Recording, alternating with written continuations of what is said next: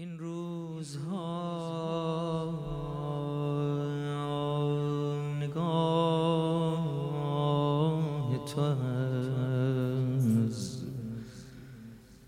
خون دل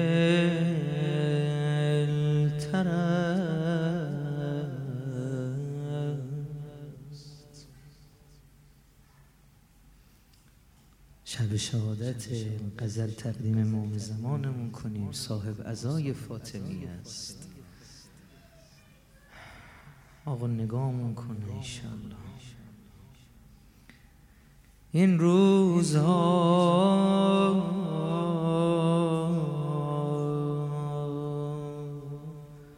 نگاه تو از خون دل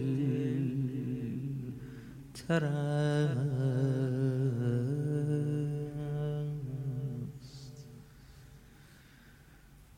دلت حسینیه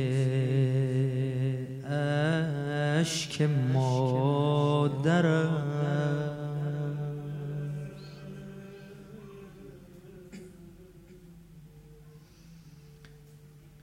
شال ازاد دوباره نشسته به دوش تو. شالی که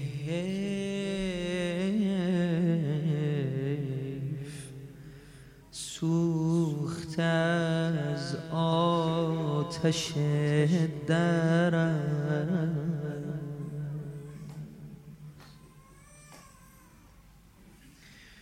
ای وارث تمامی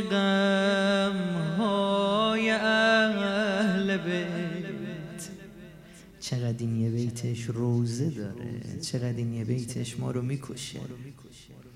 تصورش کن برای یه لحظه. وارث تمامی غم ها اونم مالکی مال اهل بیت. ای وارث تمامی غم های اهل بیت. این روزها قریبی تو مثل هیدر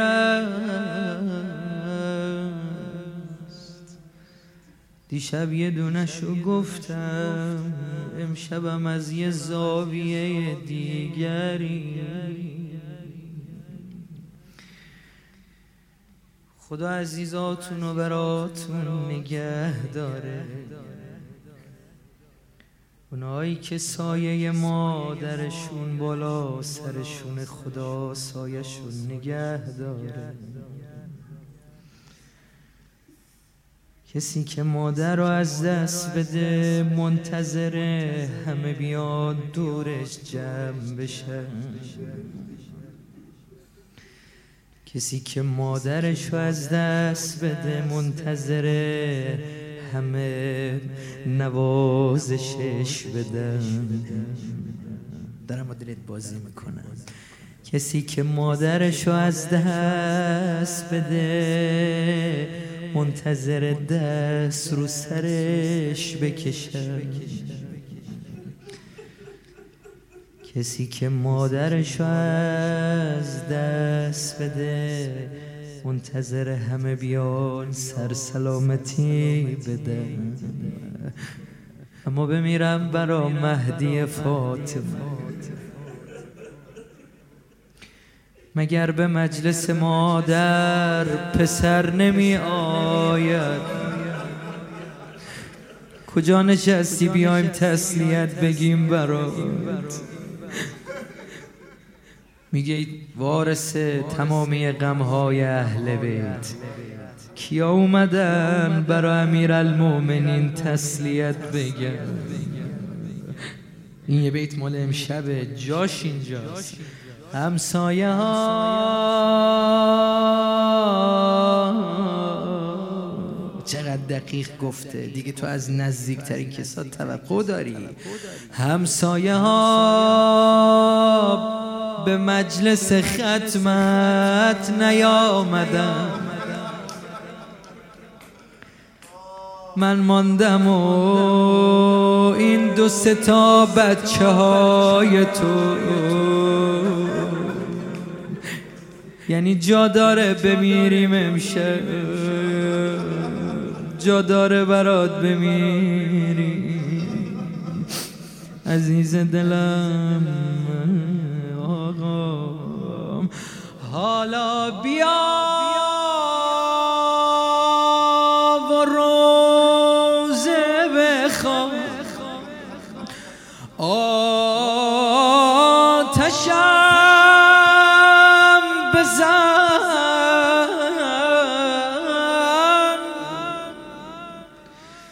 چشمم به ناله تو یک وای مادرم. وای مادرم. مادرم مادرم. این غزل یه بیتی داره که مرسی است. دیگه غزل نیست.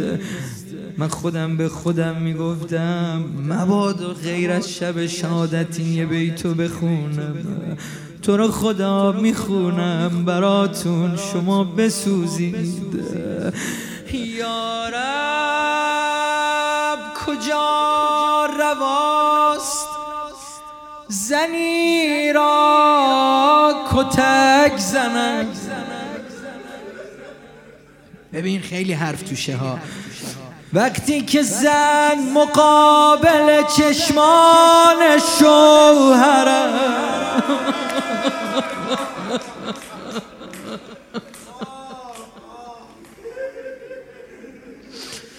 وای!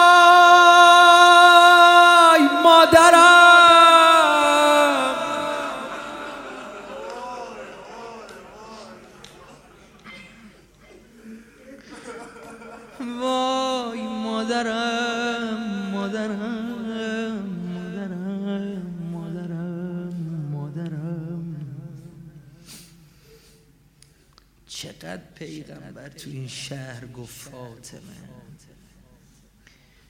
اون لحظه آخر می‌گفت که من نه اجری نه ثوابی از شما می‌خوام. من یه خواهشی از شما دارم. اونم احترام فاطمه همین. لاقل فاطمه رو احترام کنید. به احترام من. همین. خیلی کار سختیه.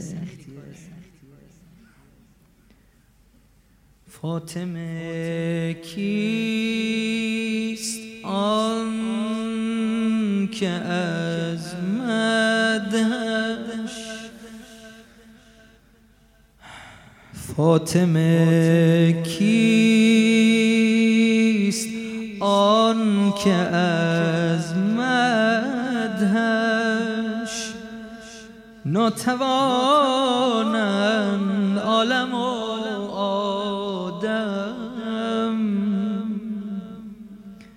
مانده ناکام این زبان در کام. شرم سار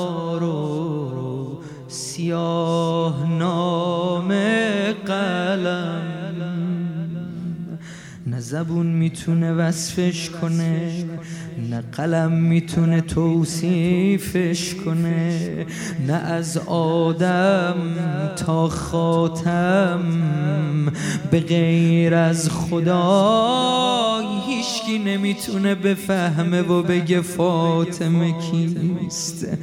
کف در شدی وگر نه نبود. اهدی کف او در این دنیا آمدی تا فقط خدا باشد. مالک لم یکن له کفوا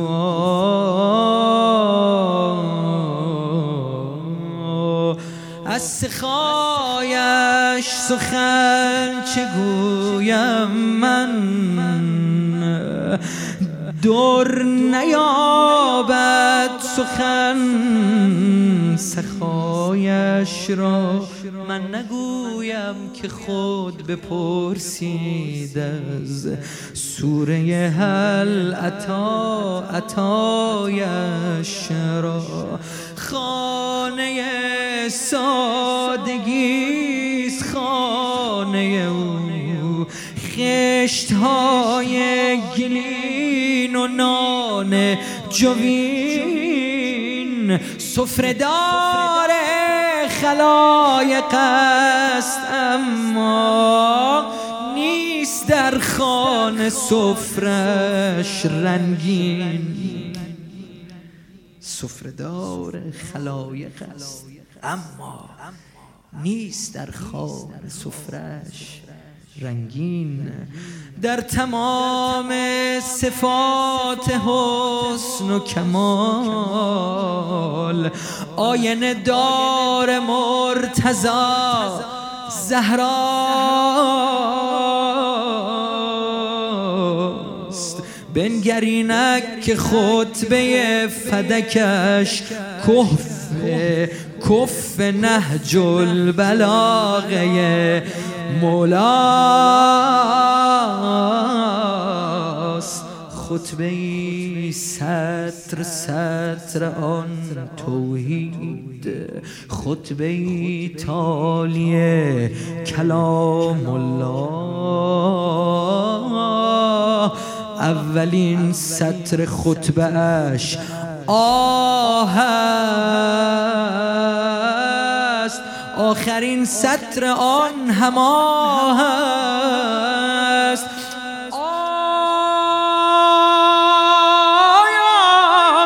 در عبادت در عبادت سرآمد امت. شرح عشقش فراتر از عقل است. شمه گر ز وصف آن خواهی. قدماها تورمت نقل است. همین دو بند روزه منه. شب شهادت در قدمهایشان کبودی بود. تا نشان از عبادتش باشد. فهمیدیم چرا پاش کبود بوده. این قده تو محراب میستاد این قده عبادت می‌کرد. حتی تورمت قدمها. ورم داریم تا ورم. در قدمهایشان کبودی بود. تا نشان از عبادتش باشد. بازویش هم کبود بود. ای وای که نشانی ز غربتش باشد. که نشانی ز غربتش باشد. از کجا روزم شروع کنم؟ از اون جایی که حسن و حسین و زینب اینو صدا زد. اول دختراشو بغل کرد دل سیر نگاشون کرد. صورتاشونو بوسید دست رو سرشون کشید. دستشونو تو دست فزه گذاشت اینا رو ببر بیرون از خونه. رفتن حسن و حسین اومدن. اول حسن خودشو انداخت رو سینه مادر. حسین خودشو انداخت رو پای مادر. صورتشو گذاشت رو کف پای مادر. کف پای مادر رو بوسید بعد صورت مادر رو بوسید مادر بغلشون کرد. عزیزان من شما برید کنار قبر جدتون پیغمبر. مادر چی شده؟ چرا ما رو میفرستی؟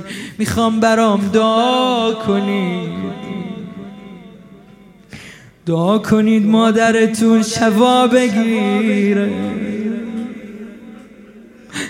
باشه باشه باشه. مگه حسین مادرشو ول می‌کنه؟ اومد امام حسن دست رو شونه برادر گذاشت. نشنیدی مادر چی گفت؟ یه نگاه به حسن کرد. خودمونی می‌خوام روزه برات بخونم یعنی می‌خوای بگی نمی‌دونی چه خبره. این آخرین باره.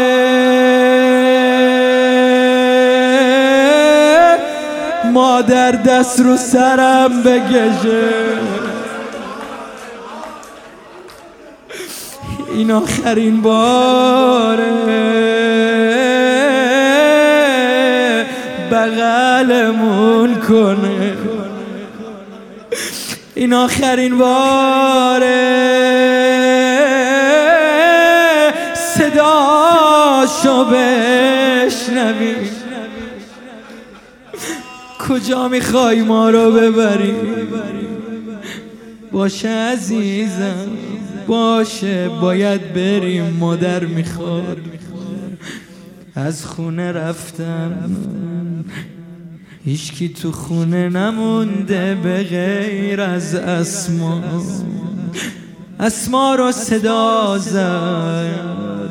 جانم خانوم چی شده؟ اسما پرچم و رو می‌کشم. چند لحظه بعد صدام کن. اگه جوابو شنیدی که شنیدی. اگه صدام زدی اگه گفتی سیدتی جوابی نشنیدی سری علی رو صدا بزن. پارچه رو کشید. رفت اسما سجاده رو پهن کرد رو به قبله امن یجیب المضطر اذا دعا و یکشف السوء.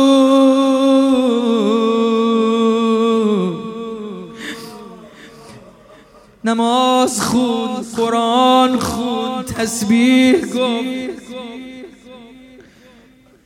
یه مرتبه رو برگردون. دید خانوم حرکتی نمیگونه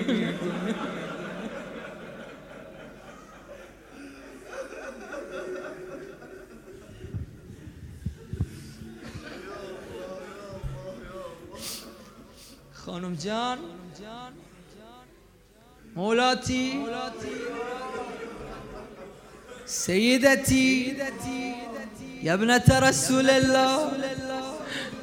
عزیز دل علی صدامو میشنوی خانوم. اومد بالا سر خانوم پارچه رو کنار زد.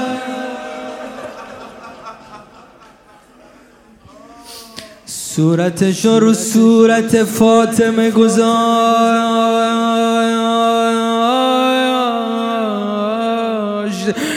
دید صدا حسن و حسین میاد.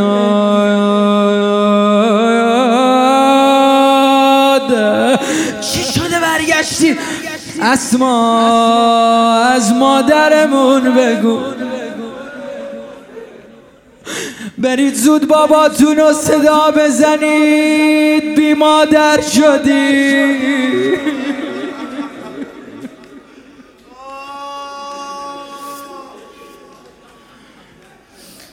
مولا تو مسجد نشسته. یه طرف امار یه طرف سلمان یه طرف مقداد یه طرف بوزر یه طرف هر کسی رو که دور علی گشته. یه مرتبه دید حسن از اون در مسجد داره صدا می‌زنه. بابا بابا بابا بابا چی شده؟ ومجلو عظم الله لك الأجف الوالدة.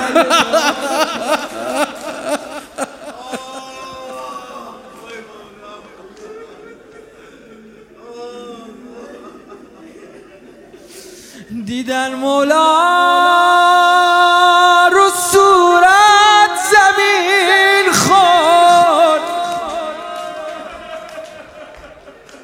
ای از جا بلند میشه ای زمین می‌خوره. فاصله از مسجد تا خونه مگه چقدر راهه؟ هیچ راهی نیست.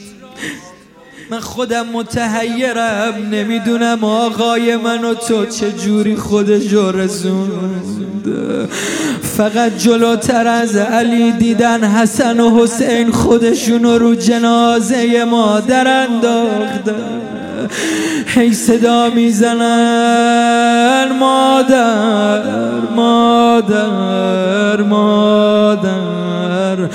نمی‌دونم چه جوری بود چطور شد. یه مرتبه آقا گفت عزیزان من بذارید من با مادرتون بمونم. همه از حجره بیرون رفتن. دیدن علی سرشو خم کرده. فاطمه را بغل کرده. هی صدا می‌زنه کلمینی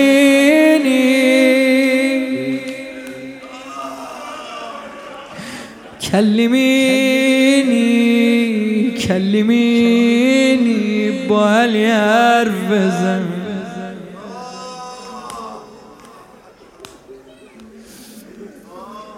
اشکای مولا داره میچکه رو صورت خانوم.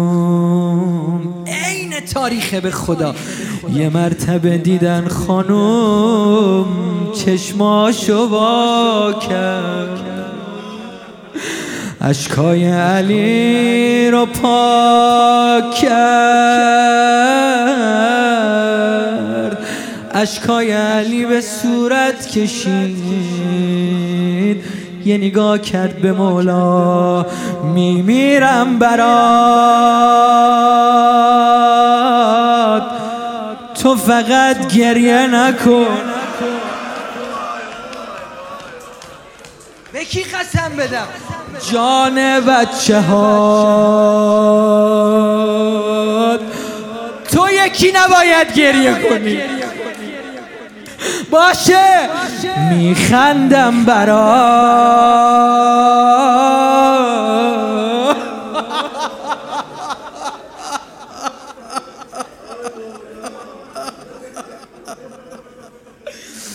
وای مادرم وای مادرم. علی جان من خواب دیدم. الله اکبر. ملائک بال در بال پرواز می زدن تمام هورها به صفی استادن منو داشتن مشایه می کردن منو بردن یه جایی غرق نور. پرسیدم اینجا کجا؟ صدا زدن اعلا علین پرسیدم یعنی چه؟ یعنی بالاترین مرتبه بهشت. دیدم بابام رسول خدا اومده به استقبالم اومده منو بغل کرد دست رو صورتم کشید. علی جان من برگشتم همین حرف و برات بزنم. من رفتنی علی. بابام بهم گفت. بابام بشارت داد. من باید برم. اما یه مرتبه تو اون عالم ملکوتی صدا گریت شنیدم برگشتم اومدم برا بار آخر خدافزی کنیم علی. من یه حرفی تو دلم مونده. اجازه میدی بهت بگم خانوما خوب گوش بدن این جای روزه رو. جان فاطمه جان علی. من از خدام حرف بزنی خانوم. بگو من سرا با گوشم. علی جان سوال دارم. نه سال روزگار توی خونه با هم زندگی کردی سوال من همینه. آیا خدا نکرده تقصیری از فاطمه دیدی؟ دروغی از فاطمه شنیدی؟ خیانتی از فاطمه دیدی؟ علی جان من اعتقادمه. جهاد المرأة حسن و تبعل. زن باید اینجوری جهاد کنه. حالا علی جان اومدم یه حرفو بزنم. یه سوالو کنم. جوابم بده بذار راحت برم. علی جان بگو ببینم از فاطمه راضی هستی یا نه. چی میگی خانوم؟ چی میگی خانوم؟ علی فداد بشه.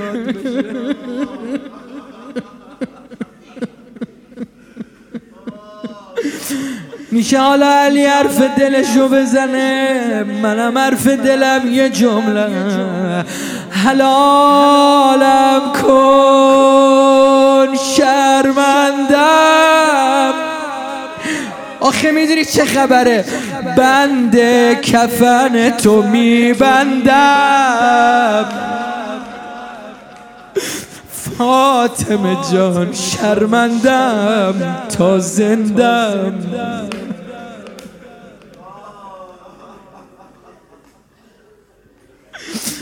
علی جان بیشتر از این نمی‌تونم ببینم اینجوری داری میسوزی. اینجوری داری گریه می‌کنی. اجازه بده مولا. السلام علیک یا رسول الله. یا السلام علیکم یا ملائکت الله یا ایتها النفس المطمئنة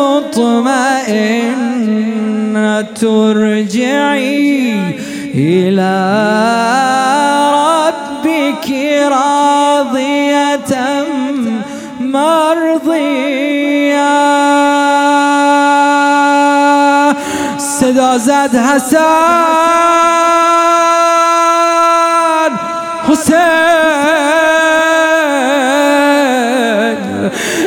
انا لله بی مادر شدید زرم مادر رو از دست دادیم. ببرمت کربلا آماده ای لایم که یومی که یا عبدالله. نمی‌دونم به دلم افتاده روز علی اکبر برات بخونم. مادر ما جوون بود. علی اکبرم جوون بود. لحظه های آخر. علی صورتش رو صورت فاطمه گذاشت. هی صدا می‌زد کلمینی کلمینی کربلا آقای ما. هرچی علی اکبرشو تکون داد. جوابی نشنید. صورتش رو صورت علی اکبرش گذار. صدا زد بابا با من